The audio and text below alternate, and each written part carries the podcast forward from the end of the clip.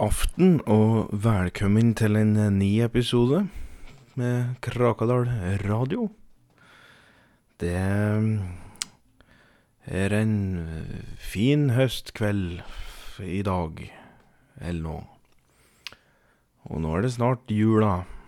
Og nå driver de og Eller de har Jeg ser at For det er jo allhelgensaften var jo for ikke så lenge siden, og så jeg de pynte joggu allhelgenskludder og, og julepynt eh, samme lesket. Eller om noen. Ja, kæru, kæru det òg, meg. Slik er det nå blitt. Julepynten den er i butikk og alt, og det sier jeg, jeg veit ikke. Dette syns jeg ikke Jeg veit ikke om jeg syns noe særlig om det, for faen det er da Jeg har ikke jul ennå. Så, men det skal vi bare drite i. Eh, for vi skal eh, Eller du skal få lov til å høre nå historien om eh, Virva svoveldam.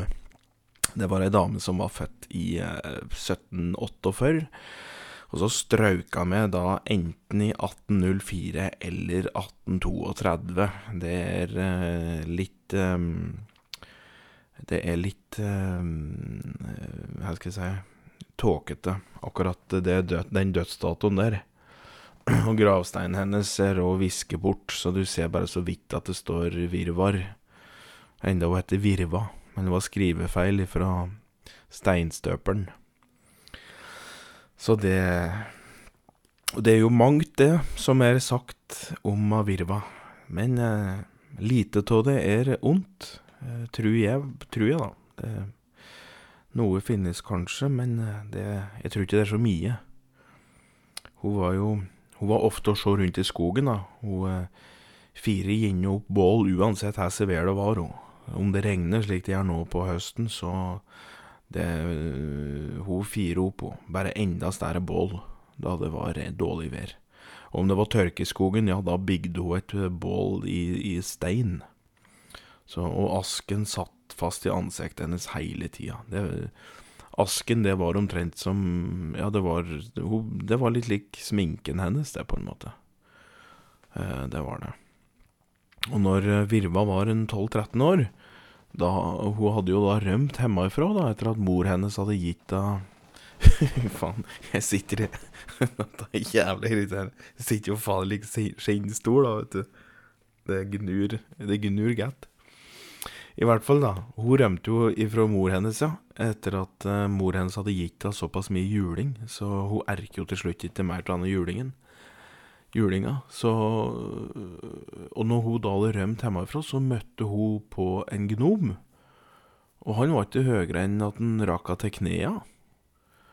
Uh, og god dag, sa gnomen. Ja, god dag, svarer Virva. Hvis du kan svare meg gåte, så skal du få et ønske oppfylt, sa gnomen. Ja, den er god, jeg har aldri hørt en gåte før, men kanskje jeg er flink, svarer Virva. Og da krabber gnomen opp på en liten rætin stubbe som var nesten dobbelt så stor som gnomen sjæl, og da ble han nesten like høy som jenta, og så sa han det. Hvit som en svane, svart som en ravn, hopper som en hare går som en mann. Og Virva satte seg ned da, blant blåbærlyngen og tenkte så det knaka. Hvit som en svane og svart som en ravn. Hopper som en hare og går som en mann. Tilfeldigvis da, så hørte hun noe drive og kraka og skrike bak seg, og det så hun ei skjør som uh, krangler med en frosk, uh, og den drev og krangla om hvem som skulle ha den største flua å meske seg på. Og da Virva så skjøra hoppe og traske, så, så, snudde hun seg mot gnomen og så sa det er skjæra. For det på Solung så er skjør skjæra. Jeg tenkte jeg bare skulle introdusere for det. Og gnomen gliste halvhjertet, og så sa han jaggu faen er det skjæra, sa han. Og nå kan jeg få et ønske? spurte Virva. Her du vil, sa gnomen. Da ønsker jeg at min far reiser ifra min mor og finner kjærligheta med ei snill frøken. Det vonde er berre glemt enn gjemt, svara gnomen, og hopper ned fra stubben og labber innover skogen. Og Virva ho satt attende og bestemte seg for å vandre bort hem eh, Vandre att, da, for å se om ønsket hennes eh, kom til å gå i oppfyllelse. Hun satt bak ei buske utafor grinda til sitt hjem, så hørte hun at det smalt og dundret noe så fanken innenfra, og det var hennes mor som skreik høyest. Og plutselig så kom det en hemmar susende ut gjennom vinduet så glasspruten sto. Og nå kunne hun høre at mor hennes hun var enda tydeligere som skreik eh, og, Eller hun hørte enda tydeligere, da. Og hun sto da og skreik og jamre. Tror du at en usling som du, med slappe baller og hengeræv, skal finne deg noe bedre enn meg? Hver gang folk ser deg glise, blir folk så uvel at de angrer på at de åt frokost. Virva kunne ikke høre riktig det her det var hennes far sa, for han var jo, han var som alltid lavmælt og stødig, han. Han kom traskende ut på trappa, og så skulle han til å snu seg for å si ha det, da det plutselig kom ei diger kiste farende ut gjennom der og traff han rett i riggen, så han datt ned trappa og slo seg gul og blå. Og Virva hun sprang fram fra gjemmestellet sitt og skulle til å hjelpe sin far, da. Pappaen min, sa hun, går det bra med deg? Ja da, svarer far. Du veit, noen ganger blir mor så sint, så sint, så hun veit ikke si erme råd. Og nå tror jeg at jeg har gjort henne så forbanna at hun ikke veit hvor hun skal trå. Og ut på trappa, der kom Virvas mor, og hun fytti katta, hun med lyn i øva og blodige knoker, så sto hun der og puste hardt mens hun så Virva løfte opp far sin til bakken. Er det du, datter mi, som har fått din far på tanken om å forlate meg aleine? sa hun så. Nei, det var nok en gnom som gjorde det, gitt, svarer Virva, og så sto mor og datter og så på hverandre med forsiktig, nei, med fa faen, med forakt i blikka sine. Det de ikke visste, det var at gnomen Virva hadde møtt tidligere, han sto oppi ei gran han like ved, og han lo jo så godt av at menneskets nervesammenbrudd og sinne sto der i full dressur, vet du. Sinne gir vonde minner, sa gnomen til seg sjæl. Virva hun hjalp far sin bort til garda mens de hørte hennes mor skrike og jamre, og etter ei stund da, så kjente de ei, ei reikluft, og da de snudde, da, snudde seg, da, da så de at mor hadde jo fanten tatt og satt fyr på huset mens hun sjæl var inni det. Virva slapp far sin og sprang inn i huset og fant mor si. Nå må du komme deg ut, mamma, skreik Virva. Nei, du dette mi, når både du og din far er borte fra mitt liv, da fins det ingenting for meg att i verden, så her skal jeg brenne som den heksa jeg er, så kan du leve ditt liv videre med godt hjerte. Du som drepte din mor, skreik mor så høyt så takbjelken riste. Virva gaup på mor si, prøvde å dra ut, men mor hennes var jo så sterk så sterk, og det endte med at hun tok jentungen og kastet henne ut gjennom glassruta der hammeren hadde fløyet like før og Virva hun lå på bakken mens hun så da sin mor i vinduet, uten antydninger til smerte når flammen omkranset henne og til slutt omfavnet henne. Virva lå på gresset og kjente lufta av brent kjøtt sive inn, og hun grein og grein og væsket kjakene sine rein. Hun hadde aldri vært glad i sin mor, for hun var jo en, det vi kan kalle en tyrann. Helt siden hennes fødsel så hadde jo mor hennes kasta i veggen og sperka hardt i magen da, de gangene hun skulle vekkes opp ifra søvnen. og Første gangen hun skulle væske håret til Virva, så tok hun ullsaks og skamkløpte jenta, så hadde jo sår i hugebøtten, stakkar. Men når alt kom til alt, så er eh, Så er mor fortsatt mor, tenkte Virva der hun lå. Og en dag så kanskje hun ville vært snillere og da hadde hun sikkert kunnet vært verdens beste mor. Hennes far kom bort øh, da, da, og så tok han med seg Virva bort ifra det brennende huset. Og så sammen så bygde de et nytt hus, ikke langt unna Krakadal sentrum. Og ikke lenger at huset sto ferdig, så hadde far til Virva funnet seg riktig så snill og god frøken, og hun var så snill, så snill. Mot hennes far, riktignok. For sjalu, sjalu det var hun derimot på Virva. Og det skal sies at det ikke var lett.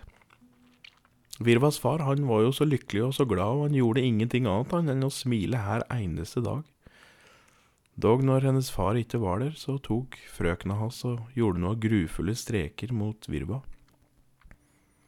Her dag når det var middag og de satte seg til bords, så hadde alltid frua til far laga, laga klar tallerken da, til Virva på forhånd.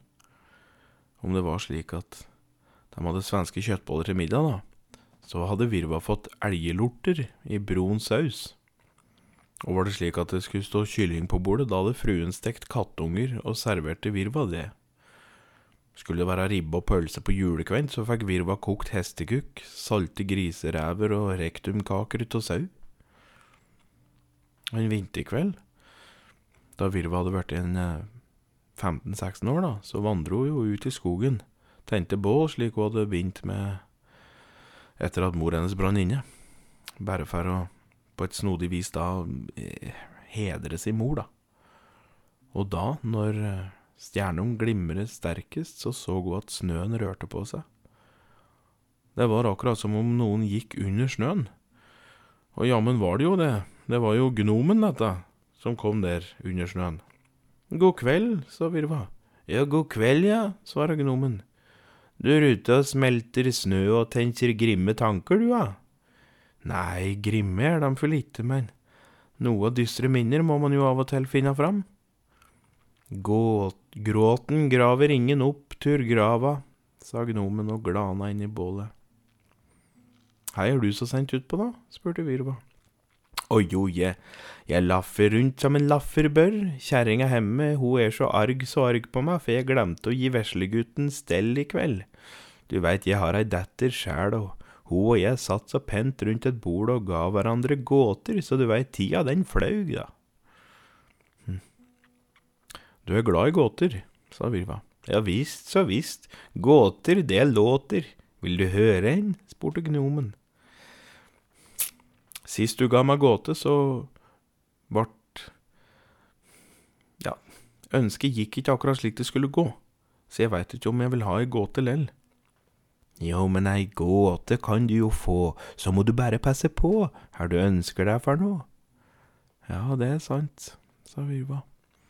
Og så labber gnomen rundt og ruller en diger snøboll i denne kramme snøen. Så klatrer han opp på snøbollen, da, så han sto og og var omtrent like høy som Avirva, og så sa han.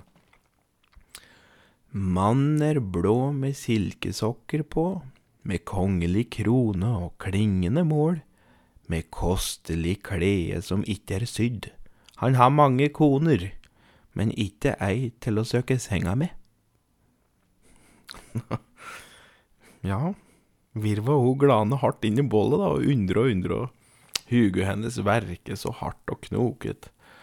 Mannen er blå. Med silkesokker på, ja, ok. Kong kongelig krone og klingende mål. Kostelig klede som ikke er sydd, og mange koner, men ikke ei å søke senga med. Hm. Plutselig, plutselig gol det høgt ifra en hana, litt bortafor skogen, og, og, og Virva og, og, og, gnomen, de kvapp jo til. Gnomen derimot, han riste jo oppgitt på huget og banne høgt, da. Og Virva så på han, og så sa det Er det hanan? Hvis da faen i helvete er det hanan, sa gnomen og hoppet ned, og han hopper jo så hardt, denne dype snøen, at hele gnomen ble jo borte. Så hørte Virva bare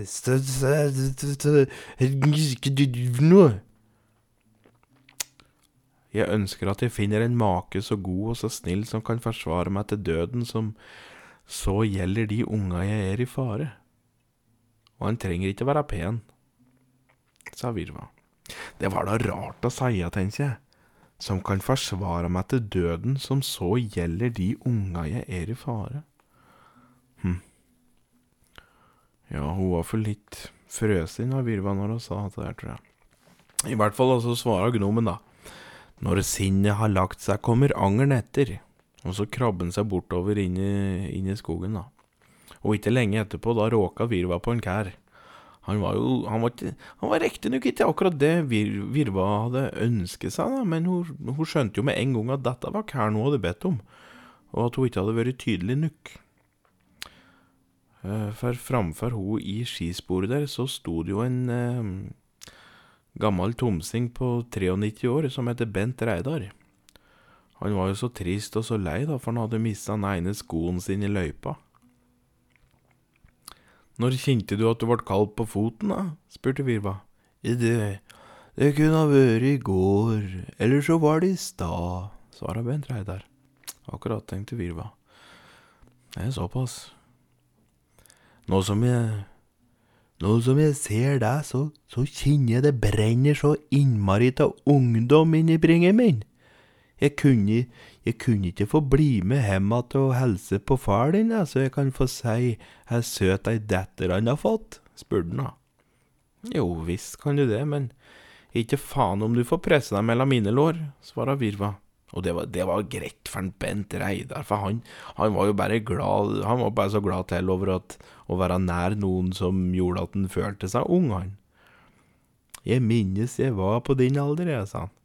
Da suste jeg rundt i bygda og ga bort karameller til snille folk, og de ble så glad, så glad, men da jeg, da jeg kommer med karameller nå om dagen, da tror de at jeg lobotomerte, og så skal de ha meg inn på Krakadal asyl. Ja, da sier jeg til dem strakt, jeg gir deg heller en skotupp i ræva enn å felge deg i neven. Og da lo Virva, og tenkte at en Bent Reidar, han Det har da ratt litt tak i han allikevel. Har du, har du lyst til å høre en sang, da, sa Bent Reidar. Mens, sånn Bent Reidar. Mens de gikk, og, og det ville Virva, og skogsvisa til Bent Reidar, den gikk eh, Den gikk jo slik, og denne, denne sangen, den kom jaggu bardust på. Denne, oi, faen. Um, så vi, men vi får, vi får se.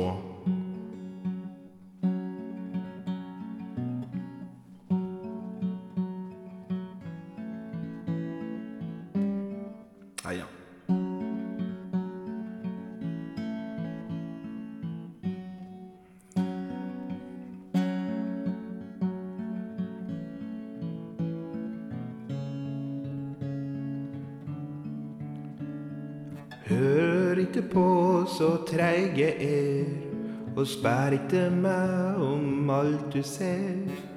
Du trur du skjønner alt som er, men tru meg da jeg sier at du ikke veit noe annet enn sladder.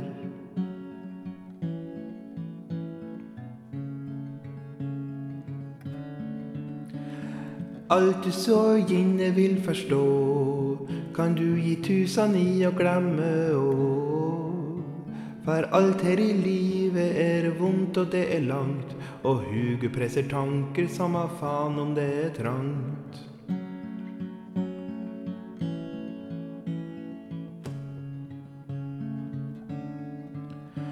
Og farer du bakover i tid og minnes de dumme du har mistet i strid, bare gi fasan og sjå rett fram. Der fins bare håp og ingen skam. Og hører du visa mi en gang til, så be en liten stakkar om å gi deg en skrell.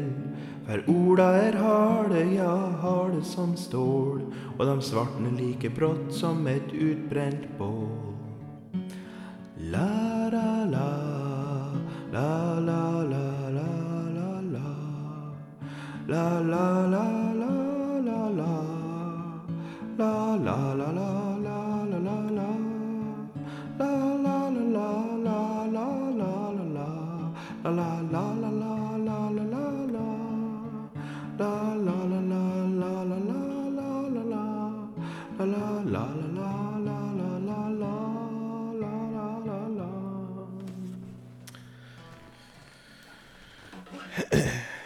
Ja, jeg, jeg, tror, jeg tror at den gikk slik, i hvert fall. Skal jeg bare sette meg til riktig, før vi fortsetter, så denne skinnskuvingen ikke tar fullstendig fokus. Det var noe annet enn det da jeg var på gitt, for der var det tyst som i graven. Uansett, de kom fram til huset til Avirva, og middagen den sto klar. Virva spurte sin far om, eh, om en Bent Reidar, som da var en gammelskrant fra skiløypa, om han kunne få lov til å ete mat da, og varme opp beinet sitt. Og det var greit, det. Så, så de satt der og åt. Men Bent Reidar han stusser litt over treplata til Virva, og så undrer han Altså treplata, det vil si tallerken, da. Og så undrer han Er du allergisk mot flesk? Nei, sa Virva og så på han, og fruen til far da satt med oppsvære glugger da uten å finne fram noe ord i tide. Ja Her eter du hudfilm til snekker Sollien, da? Under Bent Reidar, da. Ja, her sa du for noe nå, sa Virva, og pirke opp noe hun trodde var en fleskebete opp til treplata si, men der kunne hun jaggu så tydelig fingeravtrykk på, på ei hudfille som nå hang på kvisten hennes. For kvist, det brukte de i stedet for gaffel og kniv. I ville faens herskap, henne dæven har du fått ta hen, hen dæven har du fått tak på så mye hudfiller, da? undrer Bent Reidar, og farhuset han brakk seg som en elefant, og fruen hans reiste seg opp. Her er det du sier, ja, da er det noe gæli i flesket vi har fått, sa hun. Gæli i flesket, sa Bent Reidar. Når jeg ser deg nå, da lurer jeg på, er ikke du hun som er å plukke flis hos snekker Sollien nesten her bidige daga? Og da visste ikke fruen helt hva hun skulle si, så hun drog fram en kniv da, og så sa han, nå holder du tysk, gamlefar, jeg plukker ikke flis.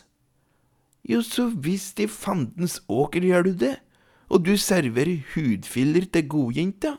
Og nå sto gamlefar opp ifra stolen sin, og så tok tak inn, og tok tak inn og og hoven strak på fruen. Altså, han hov nå stolen rett på fruen, og fruen åkte inn i peisen, og flammen den blusset. Og Virva tok tak i, i, i, far sin og dro han ut, men han skreik jo og jobbe imot, da, for han ville jo han ville ikke forlate sin gode fru i peisen. Nei, og på veien ut så tok en gamlefar Bent Reidar og snublet i ei katte, og han datt jo og brakk hofta si. og ja, plutselig så sto hele huset i flammer, og han kunne høre både fruen og Bent Reidar sine rop om hjelp. Og ikke langt unna så sto gnomen under et fjøstakk, og så sa han, Lykken hjelper lite når den ikke bærer seg sjæl. Så labber han innover skogen til sin fru og sine barn. Virva og hennes far de vandrer rundt i skogen, da. Og hennes far var nå så, så sørgmodig, så sørgmodig. Han, eh, han, sa ingenting, og han grein ingenting. Alt var liksom innen. Det kunne ikke ses uten, utapå, da. Uh, hun uh, satt og pirket bål og undret på ganske mye, men hennes far svarer aldri mer på noe som helst. Små sorger preker, de store, de tier, sa en stemme bak virva, og der sto gnomen att, da.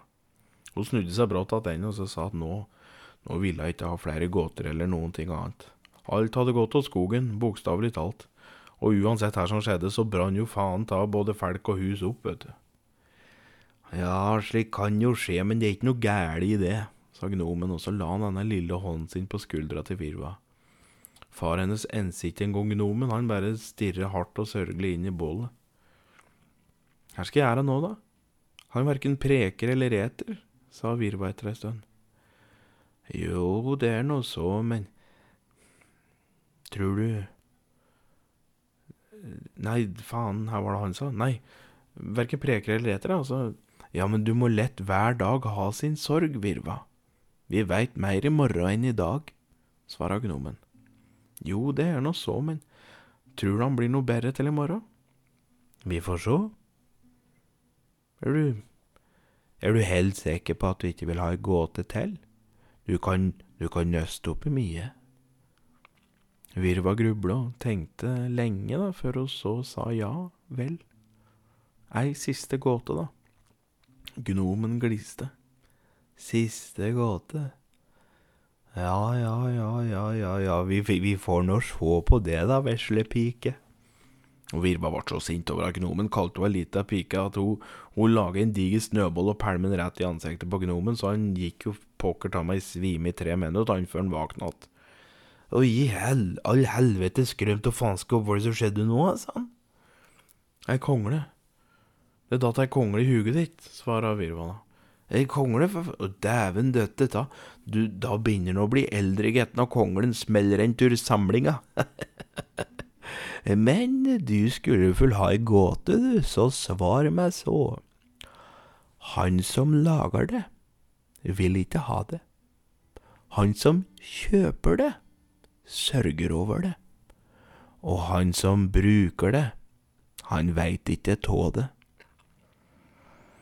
Da kan du tru Virva satt og glana hardt inn i bålet. Ja. Plukka opp ei lita kubbe som var brent på ene enden, og så pirka hun askesida i ansiktet, så halve ansiktet hennes ble jo helt svart.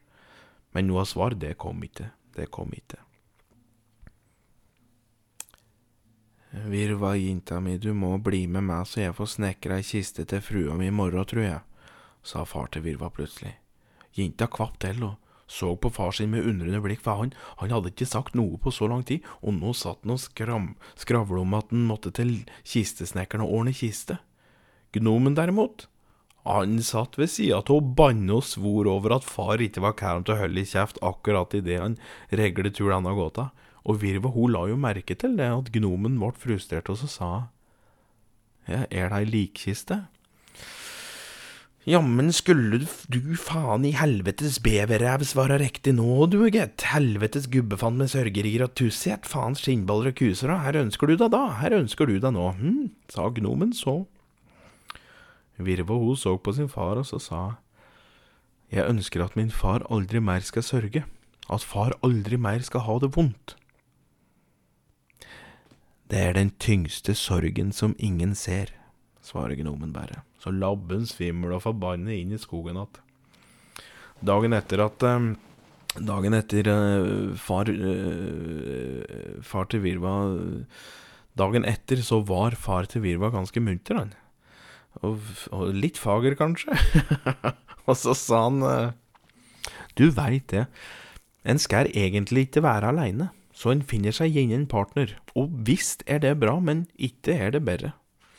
Og så plystret idet han reste seg opp, og så begynte han å hogge ned ei busk, og så kviste han det, og så ordnet han og fyrte opp et bål. Og Virva hun så på far sin og tenkte at dette der, dette er ikke far min.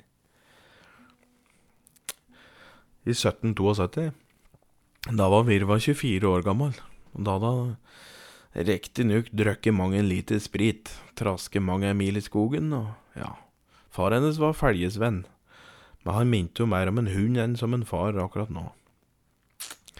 En må leve som en kan, og ikke som en vil, vet du, Virva, sa han da, mens han gliste bredt med en kaffekopp i hånda. Jeg lever nå slik bare jeg kan, jeg, svarer hun attende, med askesprett spretta utover ansiktet sitt, og så hun, nesten, hun så nesten ut som ei kråke, vet du, med dette svarte håret sitt.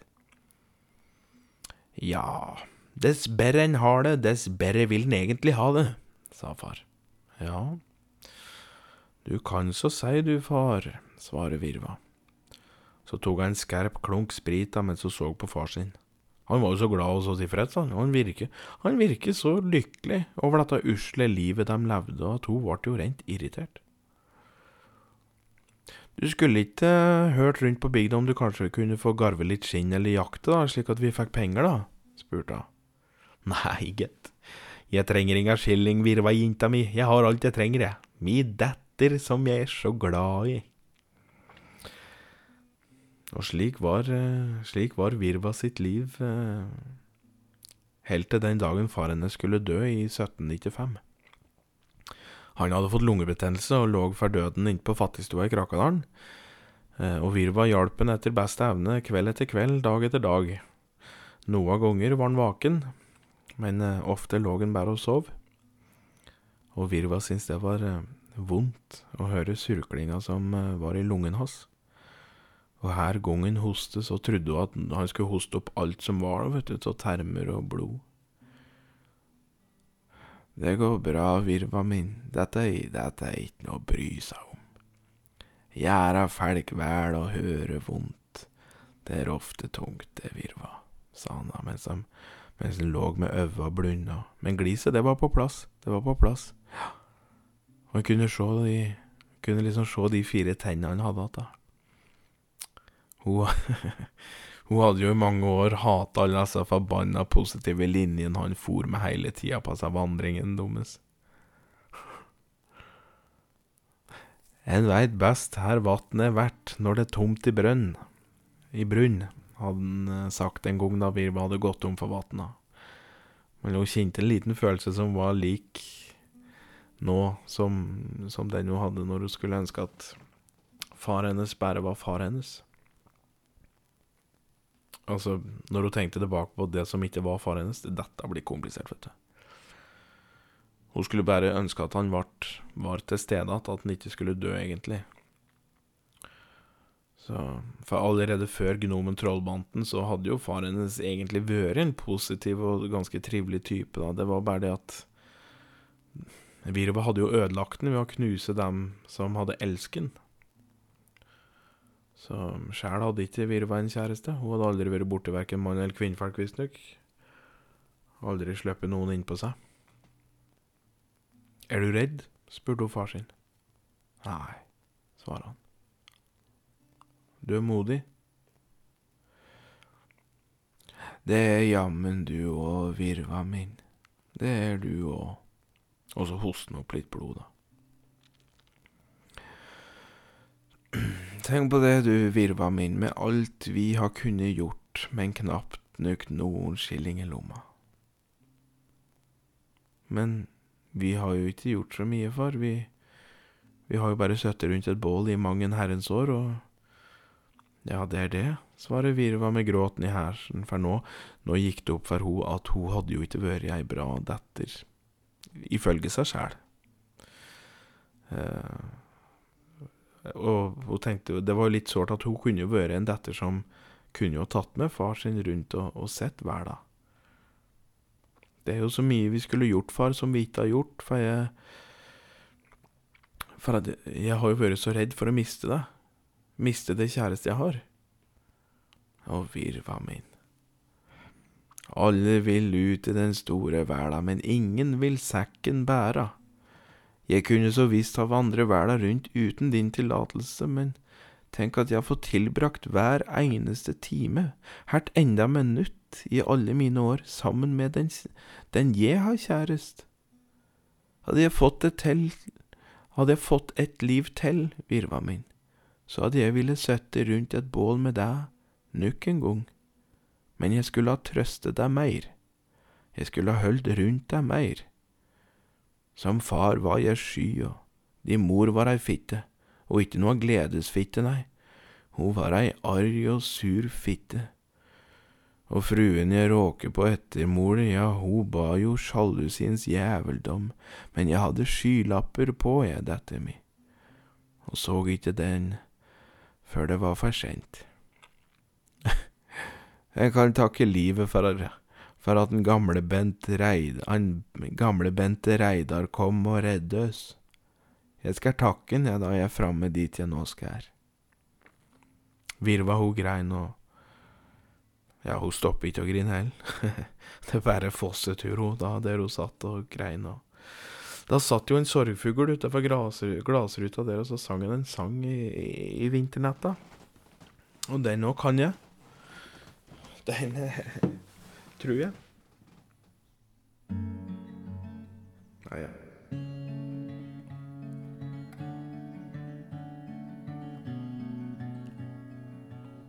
Eller var det slik?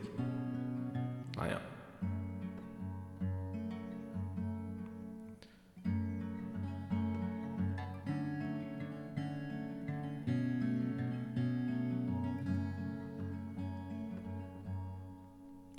Nå reiser han til de djupe skoger og taler ord med muntre toner. Han viser veg til alle som ser. Om stien visner, så taler han mer. Han hadde ingen kroner lik den som er rik, men i døden er den fattige og rike lik. De reiser i hopet som fortapte venner, og høller hans hånd med blodige blemmer.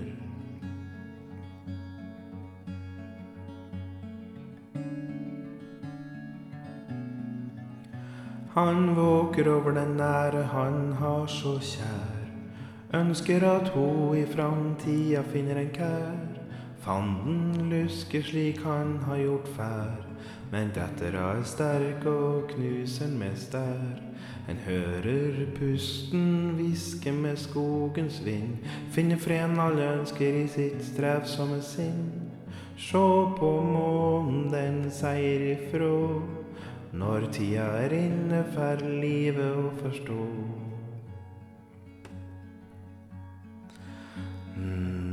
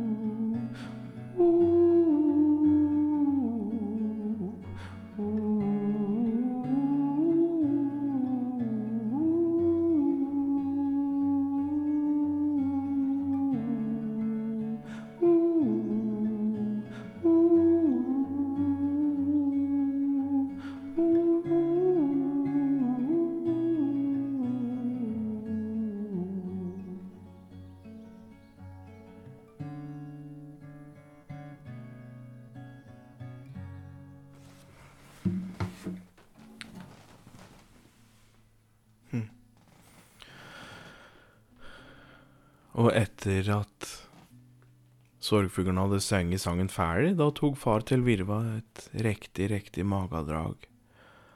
Men i stedet for et pust som sivde utad, så var det hele livet hans, hele hans sjel, som for opp mot taket og ut mot stjernehimmelen.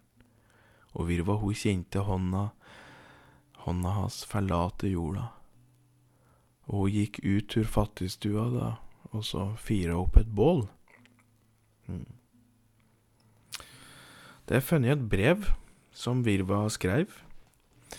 Um, det er litt utydelig, i hvert fall for meg, å skjønne hvem dette brevet var skrevet til, og om det var noen i det hele tatt, eller om dette var noe hun bare skrev til en eller annen.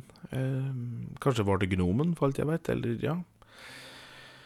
I hvert fall så var det um, Katrine Toborg Johansen som fant brevet leste dette her inn eh, en stille vårkveld inn på 1900-tallet, etter at vedkommende, altså Katrine, hadde snubla over en stjålen sikkel inn på Kinndalen. Sikkelen den tilhørte visstnok en banditt som heter Willy Bensin, men mer om han får vi høre i en annen episode. Du skal få lov til å høre eh, opptaket Katrine gjorde. Eh, så det får du høre her.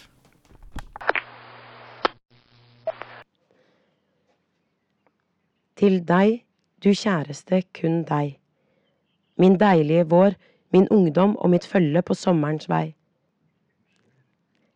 Husker du forrige året, da vi sammen vandret i skogen under solblå trær? Det knirket og knaket blant trær og lyng, og stammene drakk av solen. Du bar et trossig og blankt smil, du bar en herlig kongekappe overgylt av april. Mitt hår var en fest, og blomstene slang og svingte slik som de kunne best. Da synes vi begge at en så blå vår burde bli en deilig sommer i alle de kommende år. Jeg ba min sjel om å trekke for sin gardin, for natten var så kald og så fin, og selve månen skjenket oss vin. Og stjernene lå der oppe som øy etter øy, og himmelen ga ei bort noe støy, og vi skulle vært venner slik til dagen vi skulle dø.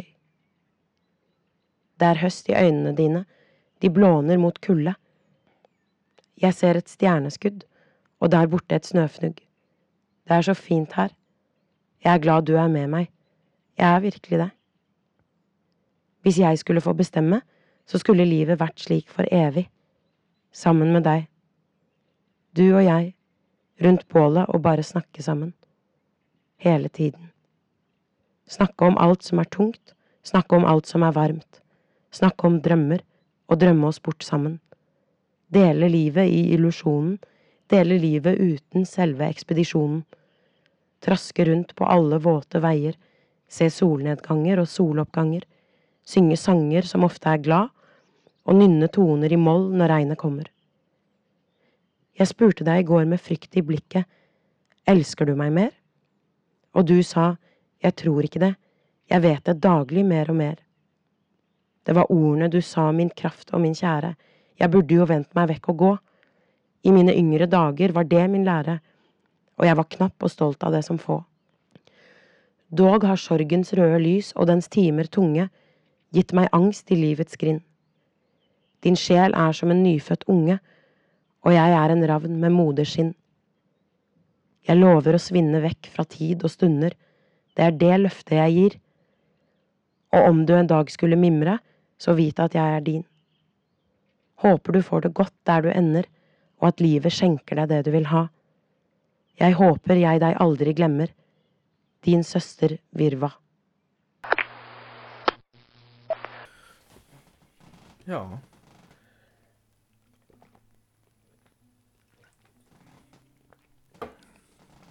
Da er det jo Det, det var ålreit brev.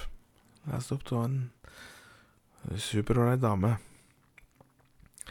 I hvert fall en kveld i 1804, da, eller 1832, som da ikke vites helt eh, på grunn av usammenhengende dokumenter.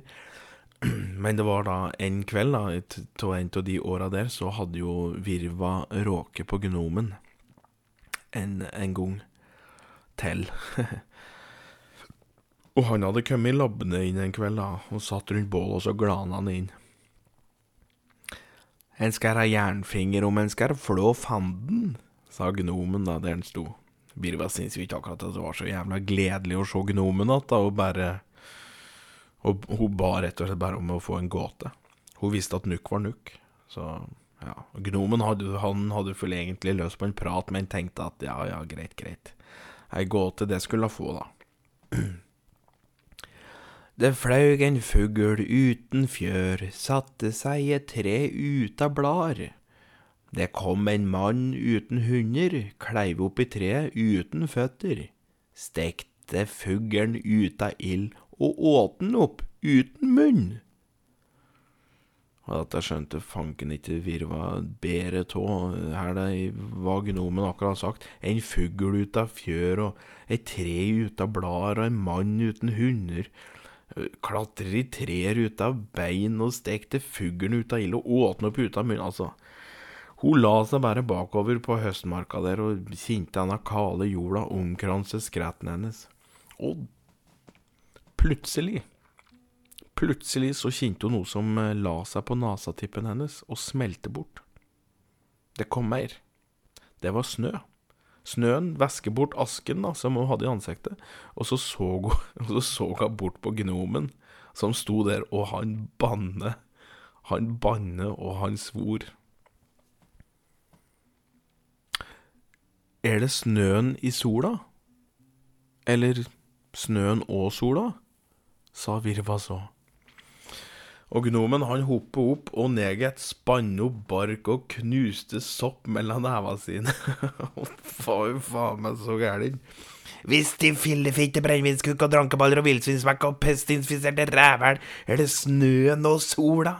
Fy svarte helvetes kuruke, testikler og vrengte anusfroske, fiske, frogne, faen, det er visst faen er det det. Ja, gratulerer, gratulerer så jævla mye med et nytt ønske, gratulerer virkelig, du, du er den morsomste jeg veit med gåter, helt suveren, er du helt jævla makaløs, sa gnomen. Så begynte han å bite av greiner på denne tomme bærlyngen han sto i. Og Virva, hun, ja, hun klarte jo ikke annet enn å glise da, før eh, før så gliset visne bort sammen med asken som rant bort ifra ansiktet hennes.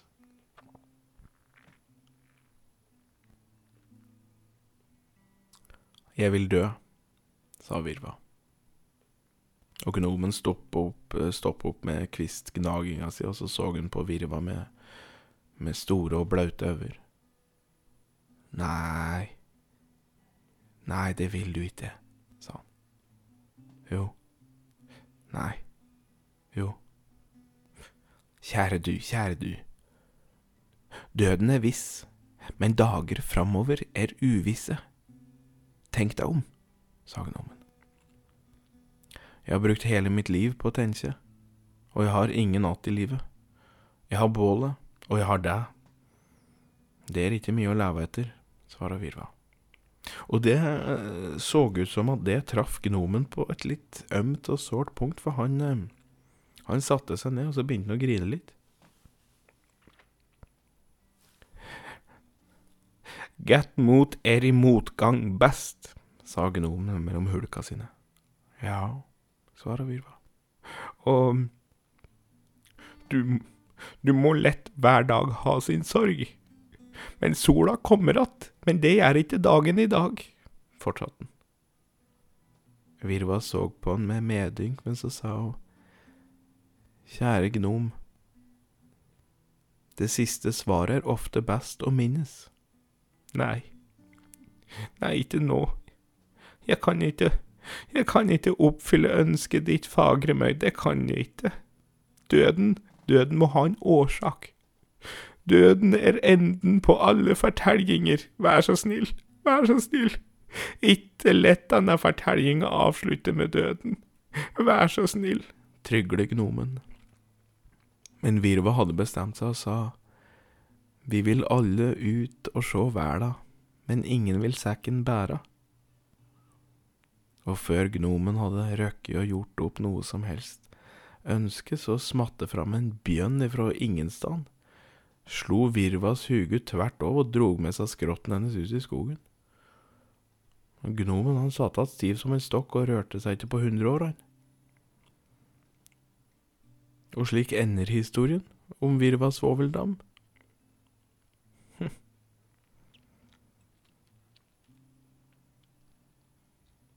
Ja, det er ikke lett inn på skogen.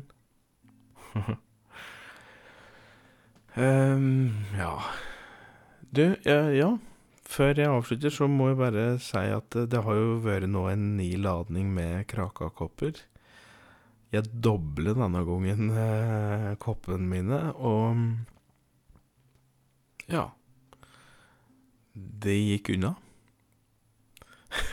denne gangen òg, så nå kommer det en ladning til. Det kommer en siste koppeladning. Eh, det blir ikke 40 ganger denne gangen her, eh, for nå er det 20. Nå, nå har jeg liksom solgt 60 kopper. Neste Neste pakke som kommer, den blir på 12. 12 stykker. Seks av dem er allerede reservert, så det er altså seks kopper at i det jeg eh, lager denne episoden her. Og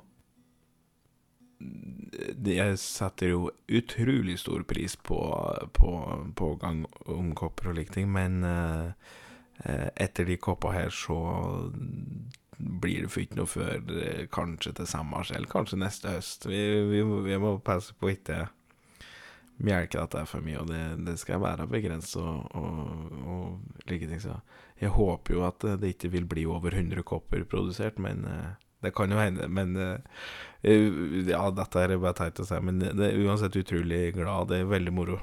Det er virkelig, herregud, tusen hjertelig takk alle sammen. Og håper de som har kjøpt jule til jul, at det blir folk som er fornøyde med gaven de får, og alt dette her. Jeg er, jeg er eh, eh, veldig kry, merker jeg, over eh, over responsen, og, og ikke minst Kraka Radio og lyttere. Jeg kommer ikke over det. Det er kjempemoro. Tusen, tusen takk.